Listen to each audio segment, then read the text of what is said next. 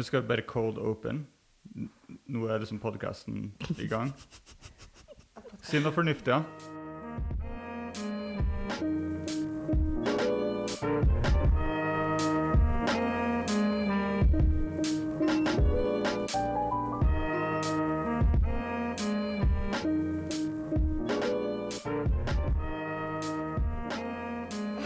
Cold open? Ja. Er det en Ja. greie, liksom? Cold open, den Sånn- bare börjar. Sånn cold calling, det er når du ringer til noen Ja. utenat er bare sånn Hei, oh. vil du kjøpe produktet? Å ja, ok. Ja. Ikke sånn på radioprogram når man ringer eh, folk på lufta. Da må jeg alltid skru av radioen. Jeg blir så Å, for, jeg klarer ikke Det er kanskje et ord for deg. Fremtskjemen. Fremtskärmen. Det der er det tyskt ord som er bra. Ok, uh, eh. Du, Ja, du, du blir flau på andre folks vegne. Å ja, ja. Oh, det, er, det er noe jeg har opplevd. Fremmedflu. På en måte? Ja. Eller det er, skauen er skam, liksom? Nei. skam er kanskje litt hårt, men Ja. altså, du tenker på det Nei, å, ikke gjør det der. Det er pinlig, rett og slett. Ja. Det er sånn noen TV-program så kan du på en måte eh, Eller TV-serier. Jeg har det sånn med den NRK-serien Side om side. Den er akkurat litt for mye fremtskjermen for meg. Ja. Eller hvis folk ringer eh, inn på radio og må hilse til Helt slekt enig. og venner Helt og ikke vil legge på. Ja. Men fremmedflau, Marius, Mm. det syns jeg Det kan vi coine. ja. Ble jeg fremmedflau? Frem, fremmedflau, ja, det er jo kjempebra. Ja. Bra cold start da. Ja, ja. Da er vi i gang. Nei, nei vi kan Velkommen til podkast. Da sier vi, ja, men da, da sier vi bare velkommen, da. Ja. Selv om vi har begynt. Til femte episode. Det begynner å bli, det begynner å bli en ordentlig podkast, liksom. Ja, nå er, er, det, nu är det liksom eh, en serie. Hurra! I det minste en miniserie, om vi Ja, ikke sant? Hvis det her er siste episoden, så holder det, liksom. Og eh, med tanke på serien, nå har vi også begynt med features og det er en gjest som vi kommer ha senere. Å, det blir så spennende. Ja, nei um, Bare litt snabbt i begynnelsen. Vi har skaffet et Instagram-konto. Oh my god. Nei, det er um, oh my understrek gard. Ja. Med to A, eller? Mm. Eh, vi tenkte vi tar ikke konstige diakritika på, eh, på Altså konstige tecken i, i en eh, Instagram-adress. Eh, altså å. Ja. Ja. Snakk ordentlig. Presis språkbruk. Ja, lett, tilgjeng, lett, lett, tilgjengelig språkbruk. Uh, jo, det. Og så har vi skaffet e-postadresse, som er ohmygod.gmail.com. Ett ord, eller? Yes, Med to a-er. To A. med to a-er. Supert. Så da er det mulig å nå oss og sende oss tilbakemeldinger og ris og ros og tips og triks og eh, ja, andre ting. Forslag om tema og ja. Memes. Send me memes. Ikke send spam. Nei, gjerne ikke da. Spam er forbudt. Yes, um, og så eh, lite våran återkommande, vårt återkommande inslag i början. Vad har skett sen sist? Och på Allborg-fronten har vi väl insett att eh, vi var nog kanske mest föräldrar de senaste två veckorna. Det er jo fullt lov, det der.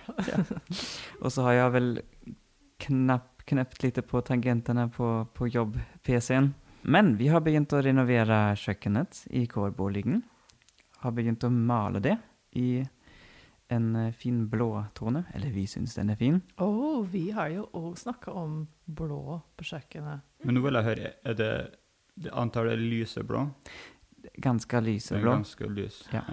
Er er det noe gul? Er den grønnaktig, eller er den Den er mer gråaktig. er gråaktig. Eh, vi hadde faktisk opptäckt en mer grønnaktig under den, eh, den hvite fargen Mm. som var överst.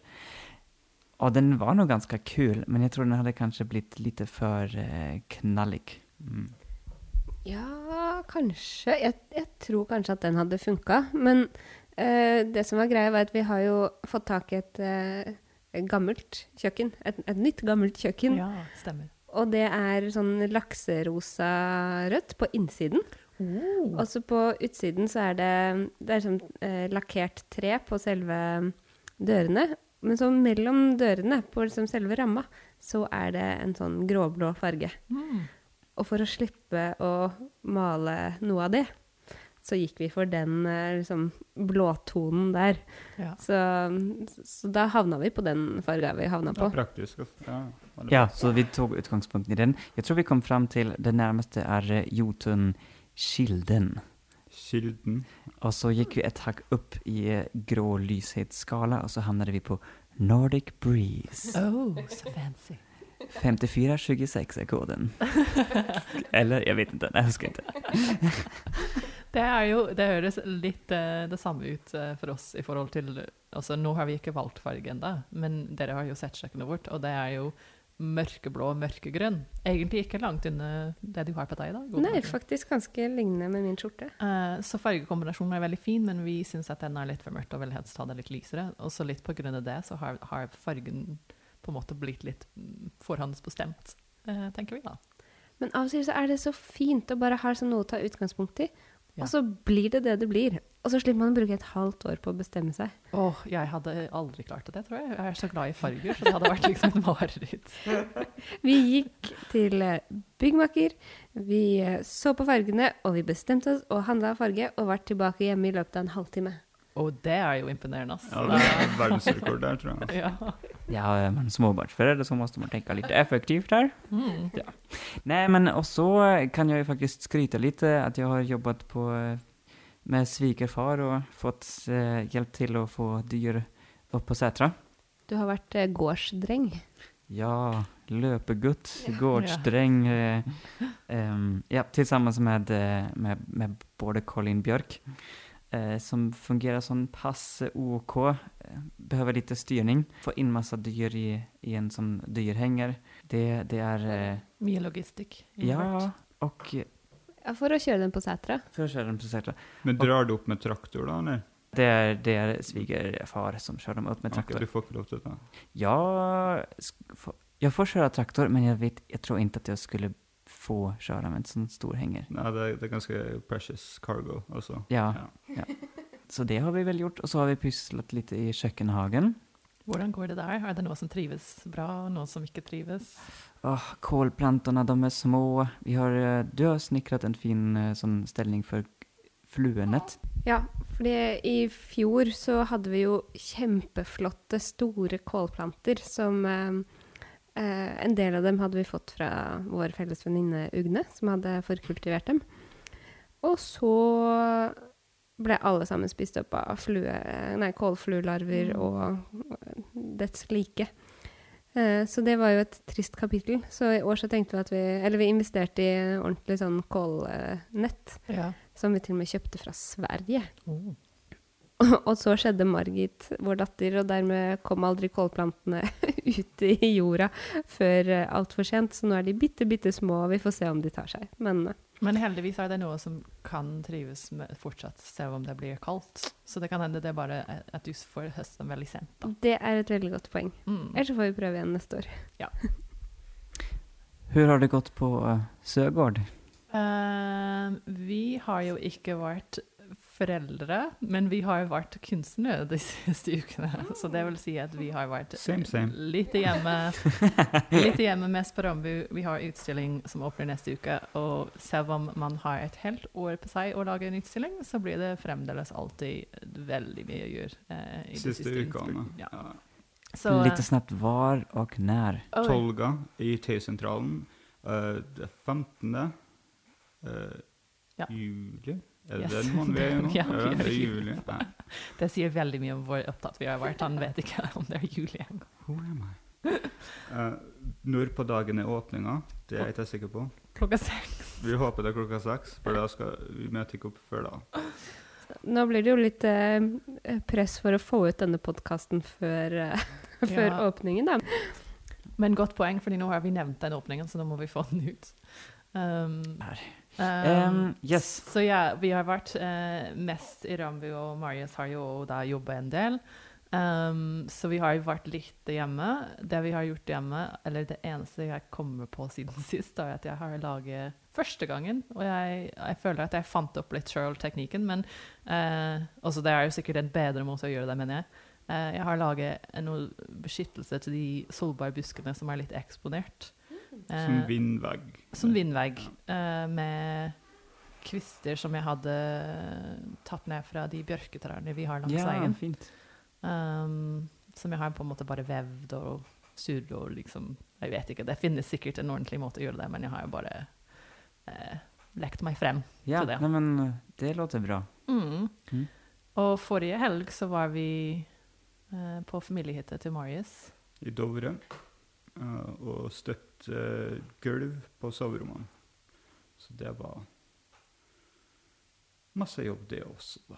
Ha, För den er litt langt fra veien, og det er ikke noe stor stig dit. Nei, nei. Der er, du må krysse toglinja, så du må gå innover et par kilometer for å komme fram i det hele tatt. Ja. Men de hadde fått kjørt opp eh, betongen med, med traktor, da. Så Å, vi slapp å lampe opp det. det jag ganske tenkte bra. jeg så deg bærende på sekker med betong. Nei, men du må fortsatt løfte dem opp og få dem inn i miksemaskinen, så det, det er nok, liksom. Ja, om vi ikke hadde hatt det så travelt ellers, så hadde vi kanskje vært der litt lengre tid, fordi eh, innen vi kom dit, så hadde den var jo omtrent halvveis, kanskje, Ja. men sliten. Så de var veldig glad for at vi dukket opp der og så kunne hjelpe til. Fordi det var jo, hvor mange sa vi det var? Hvor mange poser med sement var Det det? var sikkert 120 eller noe sånt. Det Ja. var sånn eller noe sånt. Ja. Mm. Ja. Så det var tungt, og det var kjempevarmt, og det var kjempemange mygg, og Mm. Men det var jo en fin opplevelse, da. Ja. Mm. Vi tok tur-retur på samme dag. For at vi ville okay. For at vi kunne ha én dag hjemme på søndagen. No. uh, og forrige søndag var jo veldig fint. Det var der jeg jobbet med solbærbuskene. Yeah. Um, så ja, det er jo det vi har på en måte gjort. Så ikke så veldig mye. Men det är har gått om skog? Ja, så jeg hadde, jeg hadde tenkt at um, Vi har ny informasjon. ny informasjon er jo også verdt å dele. Og Oi, du fant oi. ut noe litt nysgjerrig. Eller jeg syns det er litt spennende, for det er ikke noe jeg er Ja, det står ikke i Kjent salgsmeldinga, men altså Det har seg sånn at i Tildalen, hvis du er grunneier, så har du automatisk stemmerett i noe som heter Sogneskogen. Sogneskogen. Ja, Så det er altså et, en diger skog som går fra Tildalen til Brydalen. Ah, som er som felleseie. Ja, og det her er sist, eh, eller, eh, en av de siste sånne operasjoner som finnes i Norge. Så det vil si at Hvordan fungerer det? Altså, det, det er på en måte banken da, i, i Tildalen. Så du har en haug med trær og ressurser, og alle eier liksom en andel av de her ressursene. Og så kan vi, Det er liksom et styre, da, og så kan du legge frem saker. og sånn. Skal vi bygge ja, skifte gulv på barnehagen? Så de brukte liksom midlene her til å bygge opp skole og så fotballbane og sånne ting. ikke sant? OK. Så det, wow. det er også sånn at hvis du bygger et nytt hus i Tildalen, så kan du spørre om litt spenn fra dem, så de går med penger. Og så I forskriftene fra sånn 1920 og sånn, så står det at hvis du kjøper tomt i Tildalen, så kan du spørre dem om tømmer til å bygge hus. Og så får du fra tømmer, skogen? ja, ja, og så får du tømmer fra skogen Ja. til å bygge huset ditt. Det er jo helt fantastisk. Altså, ja, alle borde ha byskog. Eller hva heter det? Bygdskog. Ja, ja. Det jeg, tror det var mye mer utbredt før. Ja. For jeg, jeg ble fortalt eh, historien her av en OG, da, ikke sant? Så han bare sånn, han forklarte masse ting, og jeg, skjønte ikke helt hvordan det hang sammen, men Tildalen er jo en del av Tynset kommune, det var ikke alltid sånn. Så han beskrev Tydeland som et sogn. Jeg er ikke helt sikker på hva det betyr. jeg jag tror det har med kyrk... Det er fra prestesogn. Ja, ja. Det sånn det området som hørte til den og den. eh. Det var egentlig det du sa. at du Ja, jeg, for jeg har hørt ordet sogneprest før, men jeg trodde kanskje at sogn var liksom en greie, og så fikk du en prest, liksom. Men uh, det, det er på en måte koblet til kirka på noe, på noe vis. da, Så da, Parish på engelsk. the parish, ja. Liksom, så, da, Socken på svenska. Ja. så da var det sånn, før det ble med i Tynset kommune, så hadde de det, og så hadde de liksom den skogen da, som var liksom som felleseie. Og da var det masse industri drev og laga skjær og kull, og det var dritmye styr der, så det var sånn ganske sånn velstand da, i, i Tildalen. Men så ble de med i Tynset kommune, og da tror jeg det var sånn at Da gikk det nedover. ja, Men det var like før, sånn, for liksom det, det er mange sånne tilfeldigheter opp gjennom tida som der det kunne ha blitt privatisert, alt det her, ikke sant? Men det har ikke skjedd. For når de skulle bli med i Tynset kommune, så var Tynset kommune sånn Ja, selvfølgelig skal jo vi bare ta den skolen, den tilhører oss nå, ikke sant? Mm. Men så var det noen sånne gubber som var bare sånn Det her høres ikke riktig ut, så så ansatte de advokater.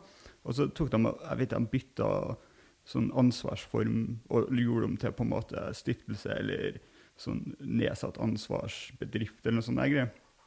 Og så ble det rydda. Og så, Ok. ja, og jeg tror det er, en, det er sikkert noen som veldig gjerne vil eie den skogen nå, fremdeles nå, ikke sant? for det er jo masse ressurser. Så det var kanskje ti år siden. eller. Det var mye snakk om ja, kanskje vi skal legge ned hele greia og bare sånn selge av Teiga. Men liksom, det, er jo en bank som Det er en sparekonto ikke sant? for hele bygda. Med bra eh, rentesats. Ja, ikke sant? Du kan bare fortsette å ta ut, ta ut sånn deposits hele tida. Bare plante nye. Altså. Så Det der må jo være månedens opptur. Det er noe av det fineste jeg har hørt om. Konseptet er jo så fint. Så Ja, det, det er, er jo så så, synd å tenke at det fantes flere av de før, og så nå er det Ja. få igjen, liksom. Jeg tror det er kanskje to. Ja, okay. i hele Norge. What? Og en i Tyldalen. En i Tyldalen. Det, det er ingen som sa noe. Det, det er jo et sånt salgspunkt. da. Du kan bare sånn, hvis hvis du kjøper gården her, så får du med masse med? Ingen som sa noen ting. Definitivt kjempesalgspunkt. Det her eh, tenker jeg at hvis noen som hører på, vet eh, masse om det her, så gi oss gjerne beskjed. Send oss f.eks. Yes. en e-post, eller skriv til oss på Instagram. For dette vil vi gjerne høre mer om. Ja, for jeg er sikker på at all informasjon som jeg kom med nå, er kanskje 50% riktig. Så Ja, Men eller, altså eller gjerne muligens- fortell meg hvordan det egentlig er. Ja. Muligens litt utdatert. Og så jeg lurer på om de fortsatt uh, går etter den forskriften fra 1920, liksom. Om, om det er faktisk mulig å få Ja, ut hokken og tømmer, da. Hokken og tømmer. Og hvor er det andre levende eh, skogsognet i Norge, hvis det var to? Det er jo også interessant å vite. Ja. Men hadde dere noe møte, eller hadde dere funnet ut av Nei, det var bare en, en dude som fortalte meg Ja. At det eksisterte. Duden som forteller oss om OG. Ja, OG-en som bare ha, Har du hørt om dette? Sogneskogen? Jeg bare Nei, hva er det? Ja, nå skal jeg fortelle. Dritbra. Men jeg, jeg er litt interessert i å, å sjekke ut om jeg kan få ut tømmer. Ikke nødvendigvis penger, for det er masse penger som ligger i en, en sånn Mm. konto som de for, forvalter ut til sånn Ja. felles ting, da. Helst, eller for, nyinnflytta folk. Men jeg, jeg er veldig interessert i den. Kan jeg få tømmer til å bygge stabbur? For det har jeg ikke. Eller er det bare hus?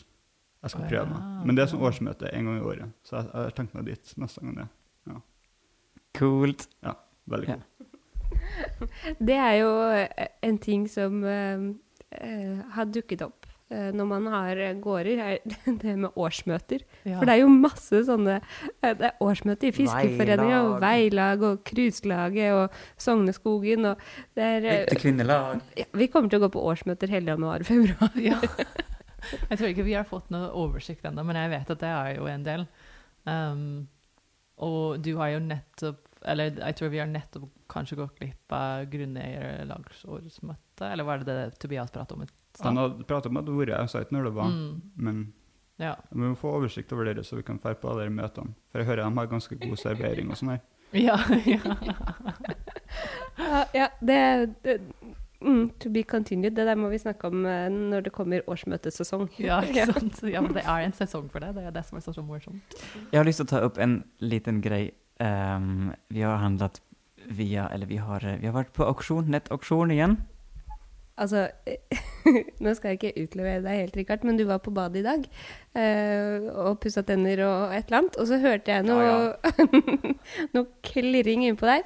Og da var det Rikard som hadde tatt med seg en kasse som han hadde kjøpt på auksjon, og måtte sitte og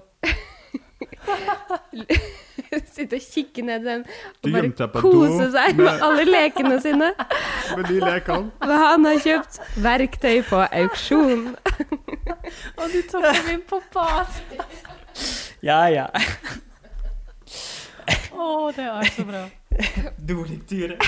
Men fortell nå, hva er det du har kjøpt? Ok, jeg har kjøpt tre store kasser med skruer og div. Det er typ en hel stor isboks full med eh, borr, träborr, metallborr, stenborr. En Smågodt. Åh, andra smågodt. Eh, men alltså, räknat på, på det som varje enkel borr kostar så är det supermycket pengar. Men eh, når man har en sånn hel låda så er det ju, det är ju guld. Ehm, en, en liten låda med gjengetapper for å borre opp gjenger. gängor. Er det på utsida av rør og sånn, da? Eller er det innvendig? Både og. Oh, okay. ok. Oh Nice, yes, nice, og alle nice. möjliga diameter. Um, det er tyske greier, faktisk, for det oh. kommer fra en fjellgård der tyskere bodde. Ja, ja, vi så det. på reaksjonen, vi òg. Ja, ja. Mm. Nei, men bare masse fine, fina, bra ting. Men eh, jeg har fått høre at det var ikke bare sånne ting som du har fått tak i gjennom denne auksjonen nylig. Nei, jeg kjøpte også två jättestora, jättefula, Forhåpentligvis jättebra høyttaler. Forhåpentligvis har han ikke prøvd ennå. De er de er, altså, er ka- alltså de är kamouflagefärgade. Ja, det var akkurat det jeg skulle si. Du kan ikke liksom glemme det viktigste. Nei. Ja. Camo speakers, ja. Dem. Men de skal stå på loven og de skal eh, användas på fester. Låvefest. Ja. Man kan stå på dem til og med og hoppe og danse. Men det her, hvis vi skal drive litt reklame, det kan vi jo koste på oss. Så har du kjøpt det fra auksjonarius Ola Ry. Og det er en eh, auksjonarius eh, i distriktet her som eh, har eh, masse auksjoner. Og nå siste året, pga. korona, så har det gått mer over på nettauksjoner. Eh, særlig på Facebook. Så mm, da er det jo mulig for alle i hele landet å, å være med og by, i hvert fall. Um, men det med auksjoner, det er litt uh, artig, fordi når man eh, Eller jeg hadde nå aldri vært på en auksjon før, da jeg bodde i byen. Tenker jeg auksjon, Da får jeg litt sånn assosiasjon til sånn derre uh, stiff upper lip. Yes, Eh, absolutely. ja. Men det er ikke det her. Det her er sånne bondeauksjoner. Og det er eh, Det er i hvert fall avhengighetsskapende. Kanskje penge, pengespill. Ja. det er veldig, veldig gøy. Så Men- Fordi vi har jo blitt kjent med det gjennom dere, egentlig, da. Og så har jeg bare fulgt med den siste tida. Så da, jeg ble så overrasket når jeg oppdaget at det var så jevnlig. Men er det sånn når de har fysiske auksjoner òg? For det, det virker som det, er, det Er det foregår hele tida. konstant auksjon, liksom?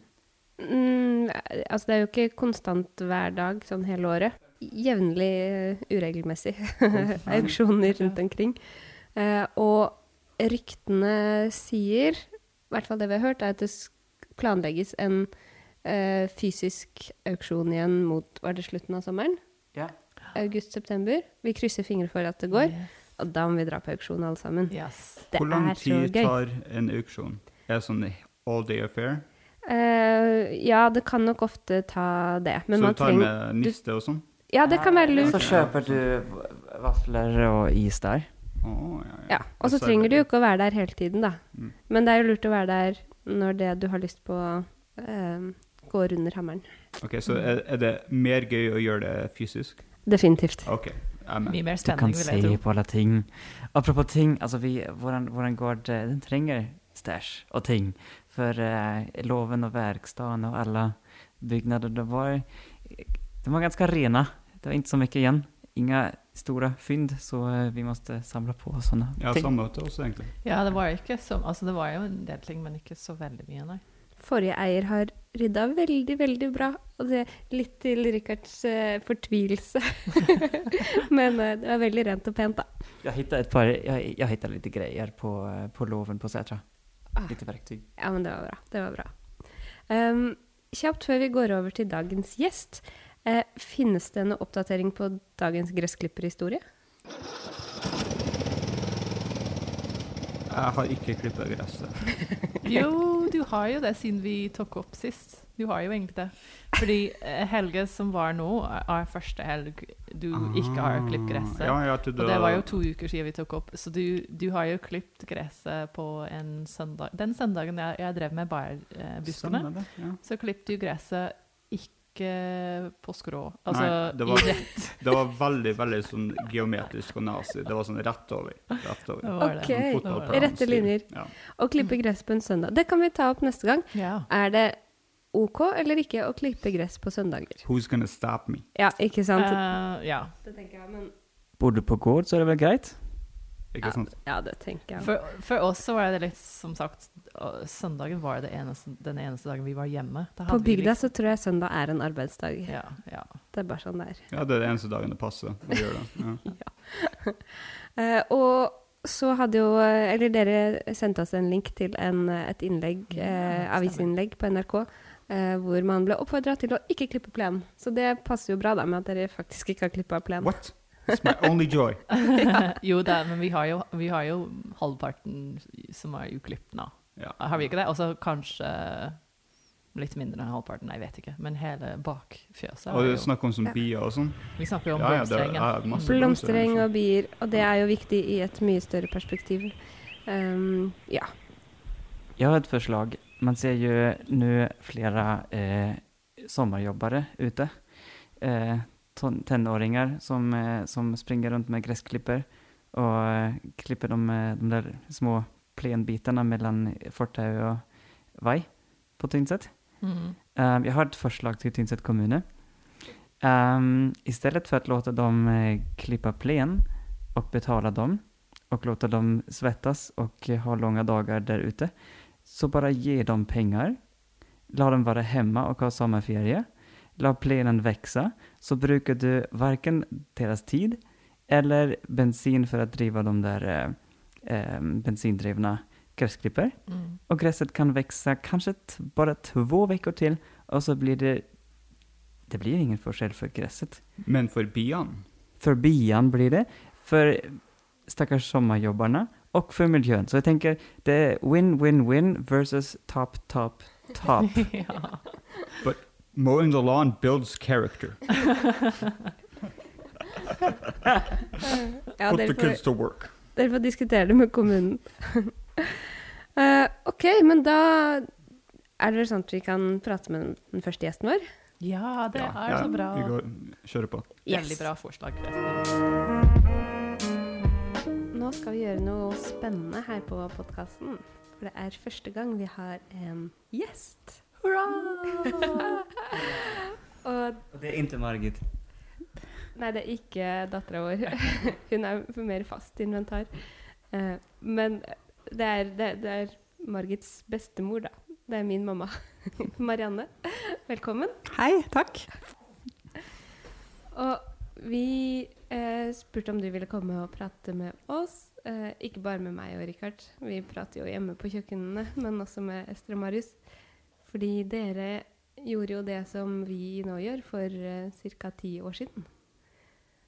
Men kan ikke du kort si litt uh, hvem du er, og hvordan du havna her på Tynset? ja, da kan jeg snakke i flere dager, tror jeg, men jeg skal det, prøve å ta det ganske kort. Uh, hele slekta mi kommer fra Tynset opprinnelig, både på mor- og farssida. Uh, og mor vokste opp på en gård på Tynset. Og så ble den gården solgt ut av slekta eh, etter krigen en gang. Litt usikker på når det skjedde. Men det var vel da mor var sånn ung voksen. Eh, jeg har ikke vokst opp på Tynset. Jeg har vokst opp på Hamar, men har bodd litt rundt omkring. Og så har jeg da fått etter hvert tre barn, hvor Oda Martine er den eldste.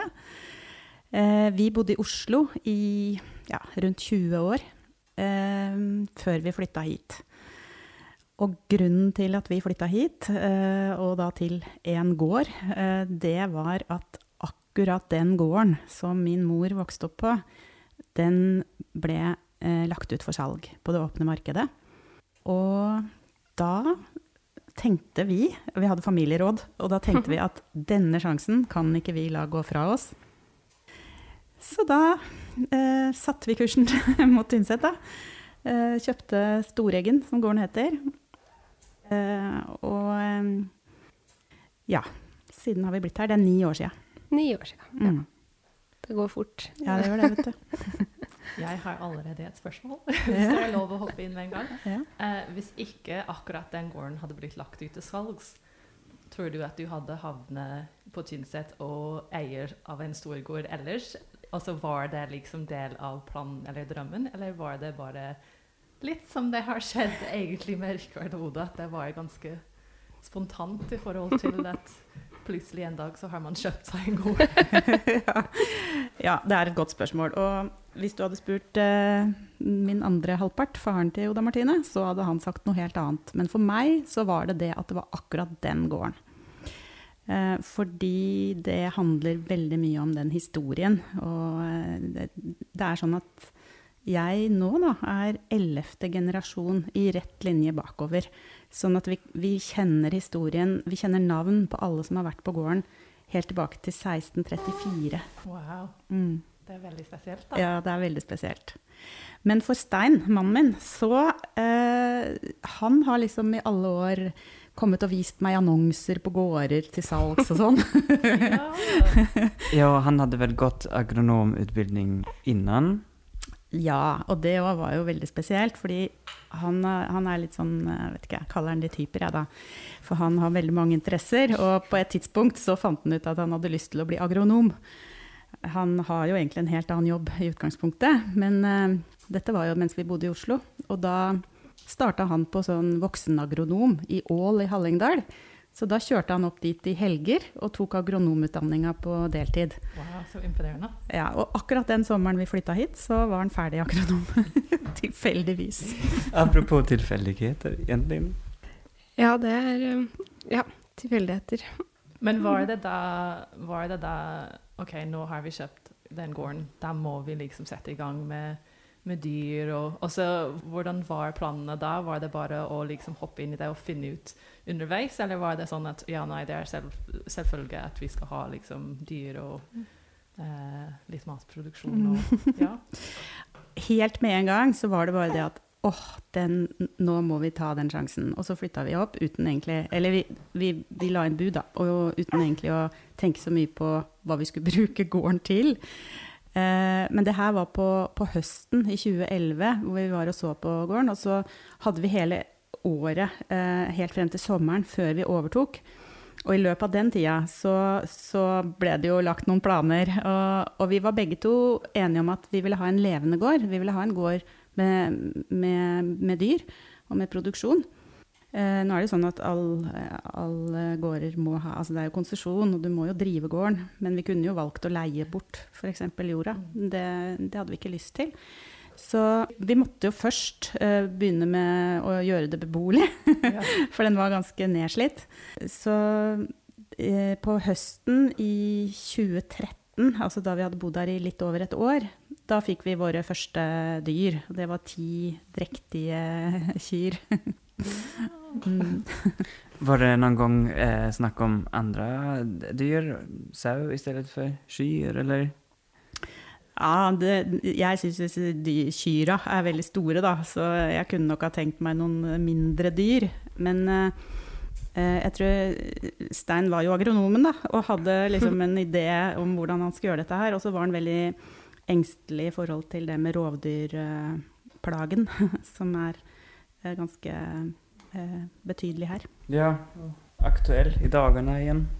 Ja, den er det. Og så er det også sånn at vi begge to har jo våre andre jobber eh, utenom gården, eh, på fulltid minst. eh, og eh, på, på våren, når lamminga står på, så er du nødt til å være på gården og være til stede hele tida. Og det, det kunne vi, eller kan vi ikke. Mm.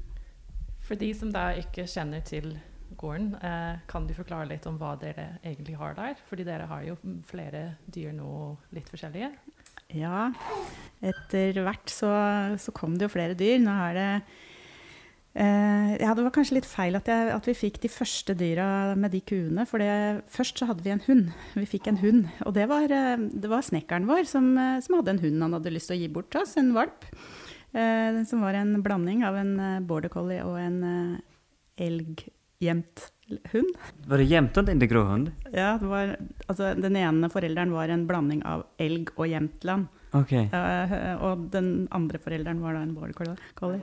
En veldig bra blanding, Da. Veldig bra blanding. Veldig snill hund som het Gandhi. Uh, som dessverre var litt for uh, eventyrlysten og tok seg en tur eh, på riksveien. Og det ble hans endelikt etter bare et par år. Mm. Mm. Eh, så fikk vi en ny hund, en border collie, og en katt. og så etter hvert en elghund. Det er jo flere i familien som har blitt elgjegere. Så, Og høner. og så fikk vi høner, ja. Og så fikk vi noen killinger. Geiter. Så det er vel det vi har i dag. Vi har veldig mange flere kuer da, enn de ti. For de, de får jo ikke kalver da, hvert år. og så har vi beholdt eh, eh, kvigekalvene. Eh, ikke alle, da, men en del av dem. Så, så nå har vi vel sånn eh, rundt regna 80 dyr eh, til sammen med kalver og okser og kuer og alt. Ja, det er ikke bare bare det. Nei da, det det, det er mer jobb enn enn det var i starten, for å si det sånn. Men så er dere jo også mer erfarne nå, da. Ja, det, det er vi nok. Selv om jeg føler jo at vi hele tida lærer noe nytt. Så ja, men, men det er jo Mye blir jo også en form for rutine som kommer inn i. Mm. Men hvordan er det altså, For pappa var jo da utdanna agronom, men han hadde jo ikke noe praktisk erfaring. Ingen av dere har vokst opp på gård. Hvordan har dere gått inn i det å lære alle disse tinga man må lære? Når det eh, Ja, det er ikke bare bare å ha dyr på en gård. Nei, det er ikke det. Og det, det er litt sånn at jeg er veldig opptatt av at vi må passe godt på de dyra våre og stelle dem godt. Vi skal ikke bare ha dem, på en måte. Jeg, jeg husker jeg, eh, vi hadde en bok i starten som jeg leste veldig mye om før kalving. Det er alltid en veldig spennende tid da, når kalvinga starter. Eh, når det gjelder kuer, så kan du jo velge sjøl når du vil eh, ha kalving. Så du, enten så inseminerer man, eller så har man oksen sammen med, med kuene. Vi har våre kalvinger på våren.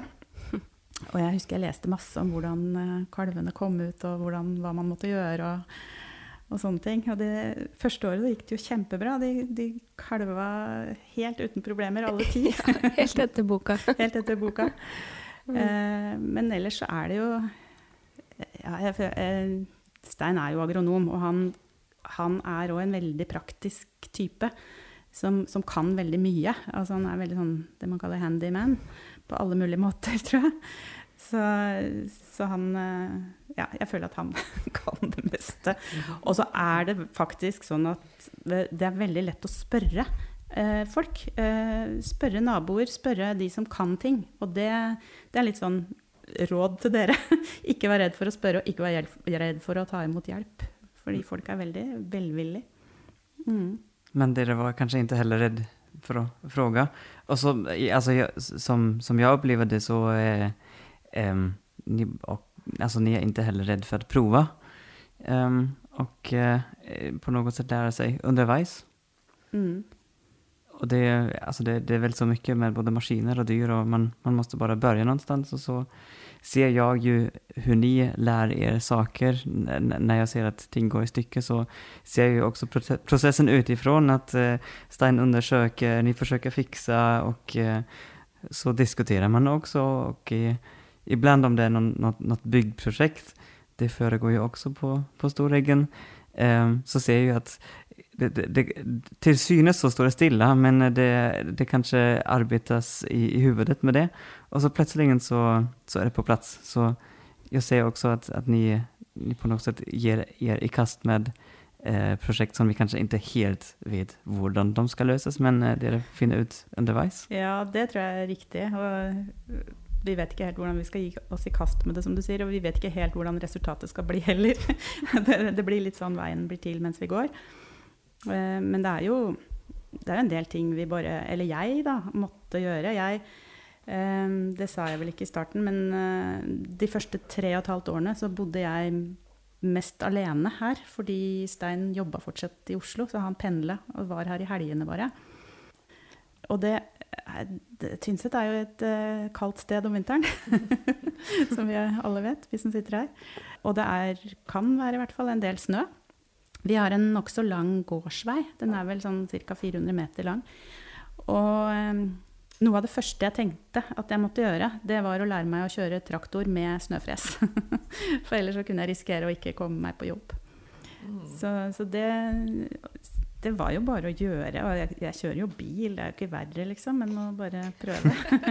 Ja, men det er rett innstilling. Jeg kan uh, tenke meg at det er litt forskjell mellom å kjøre bil og kjøre traktor med snøfres, men Og i hvert fall klokka seks på morgenen for å komme seg på jobb. Da. Ja. Så, så du, du, du bodde på gården mest selv, men du, du hadde jo hjelp på helgene. Ja. Men uh, hva, det, hva var liksom det, hur var det att flytta från, från by till, till bygd? Vad var liksom den, den största forskjellen?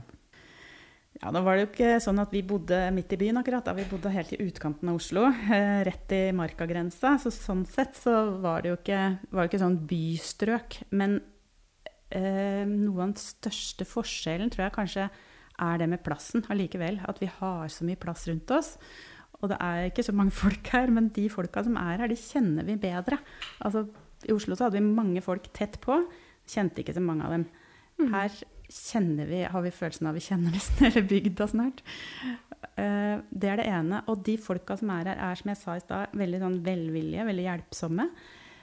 Ja, det, det er liksom, hvis du har et problem eller har noe du trenger, så er det alltid noen å spørre. Og hvis ikke de kan hjelpe, så vet de noen andre som kan hjelpe. Det, det tror jeg kanskje er noe av den største forskjellen som jeg tenker på akkurat nå. Mm.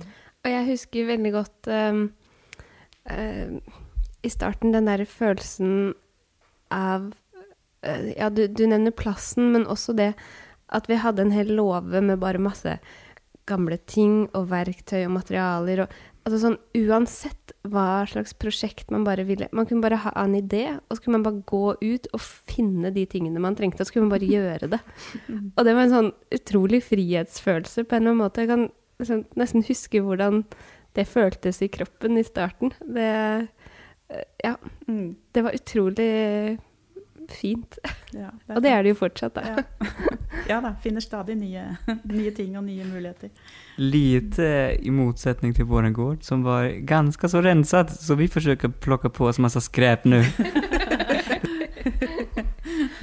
mm.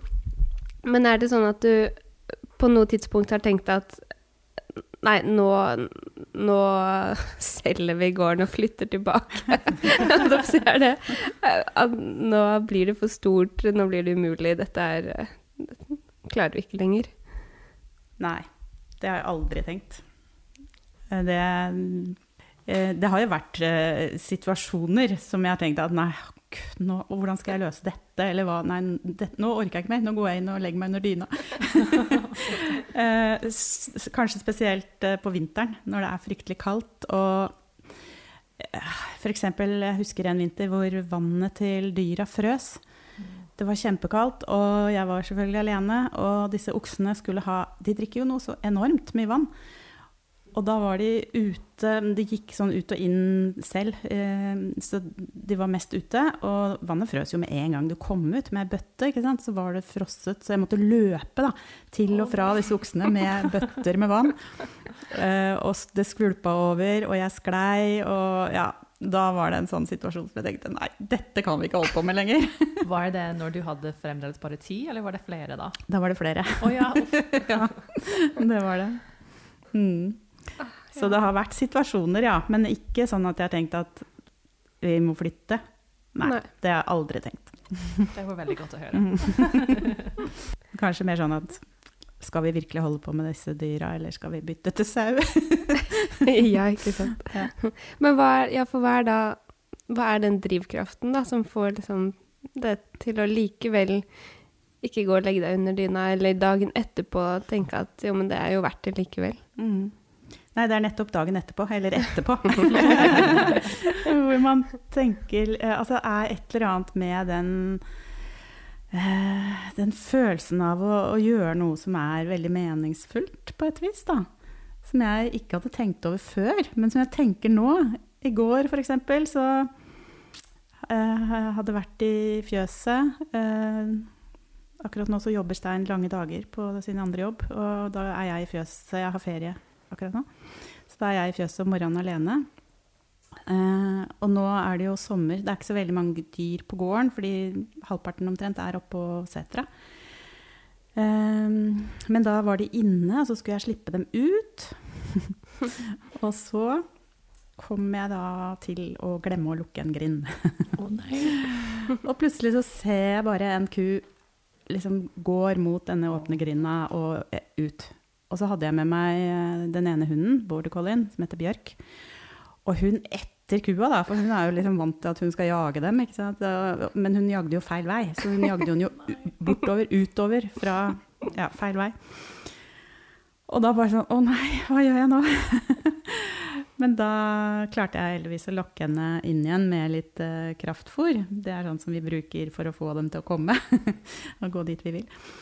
Og det høres lettere ut enn det det er. Ja, ofte, eller noen ganger så vil de jo ikke, selv om du prøver aldri så hardt. Men denne kua ville heldigvis da ha kraftfôr, så hun kom etter og gikk inn der hun skulle igjen, heldigvis. Men da jeg kom ned igjen da etterpå og sto og liksom vaska meg, vaska av meg fjøslukta og møkka, så jeg var jo ganske svett og sliten. Eh, så tenkte jeg at åh, så deilig, nå skal jeg sette meg ned, ta en kopp kaffe og bare kose meg. Og da er det så godt å vite liksom, at du har gjort et godt stykke arbeid og liksom realt arbeid.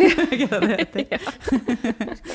Veldig tilfredsstillende. Det er mer Ja, det er det. apropos ting som går litt galt, eller når, eh, når man ikke helt skjønner hva som har skjedd, så eh, sier man jo på gårde at det bor sånne fjøsnisser ofte, som enten hjelper til eller gjør ugagn.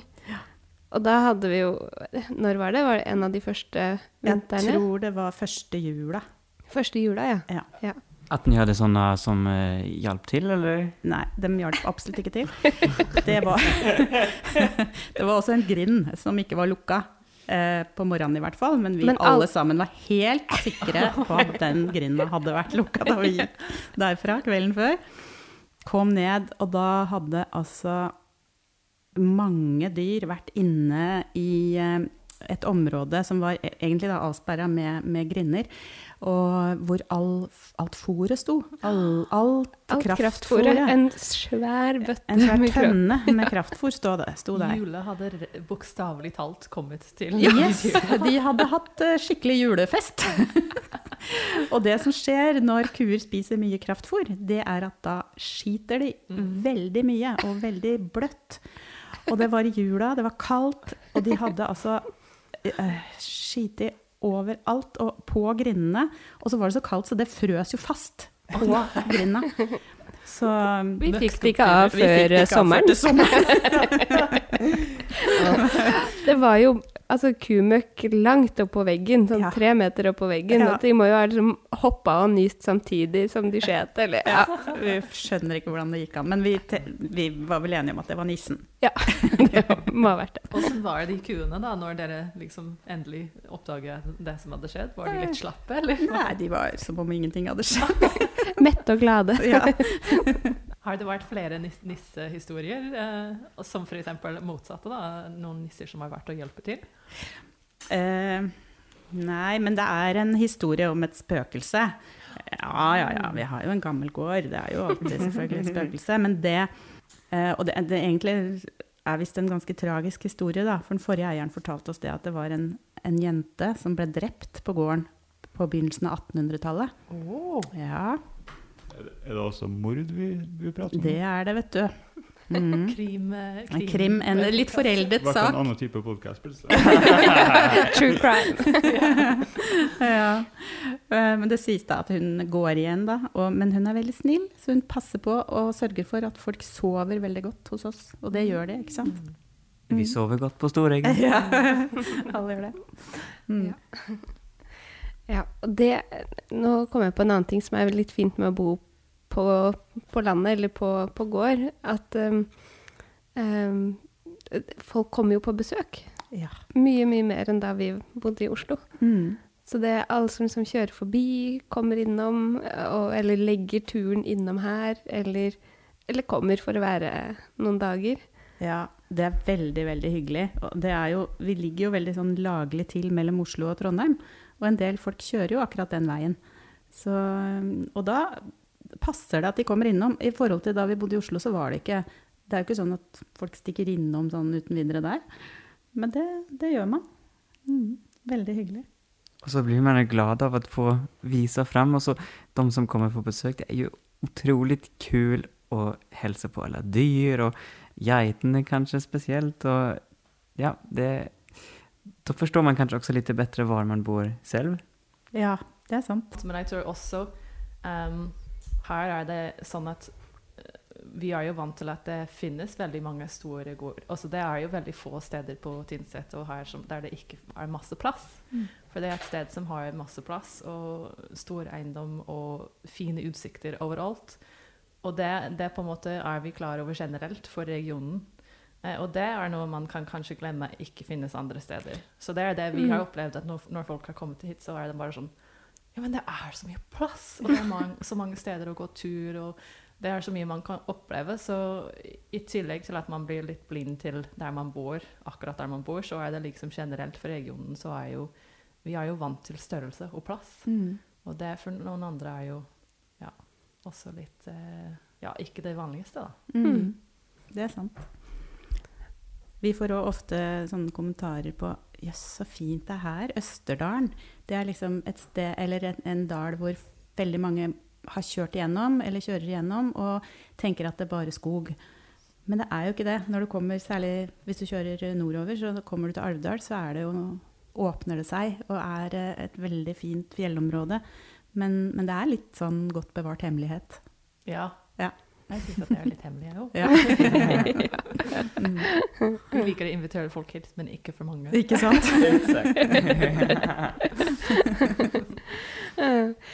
Mm, Hvis vi skal begynne å avrunde litt, er det Har du noen gode råd til oss eh, nye gårdseiere?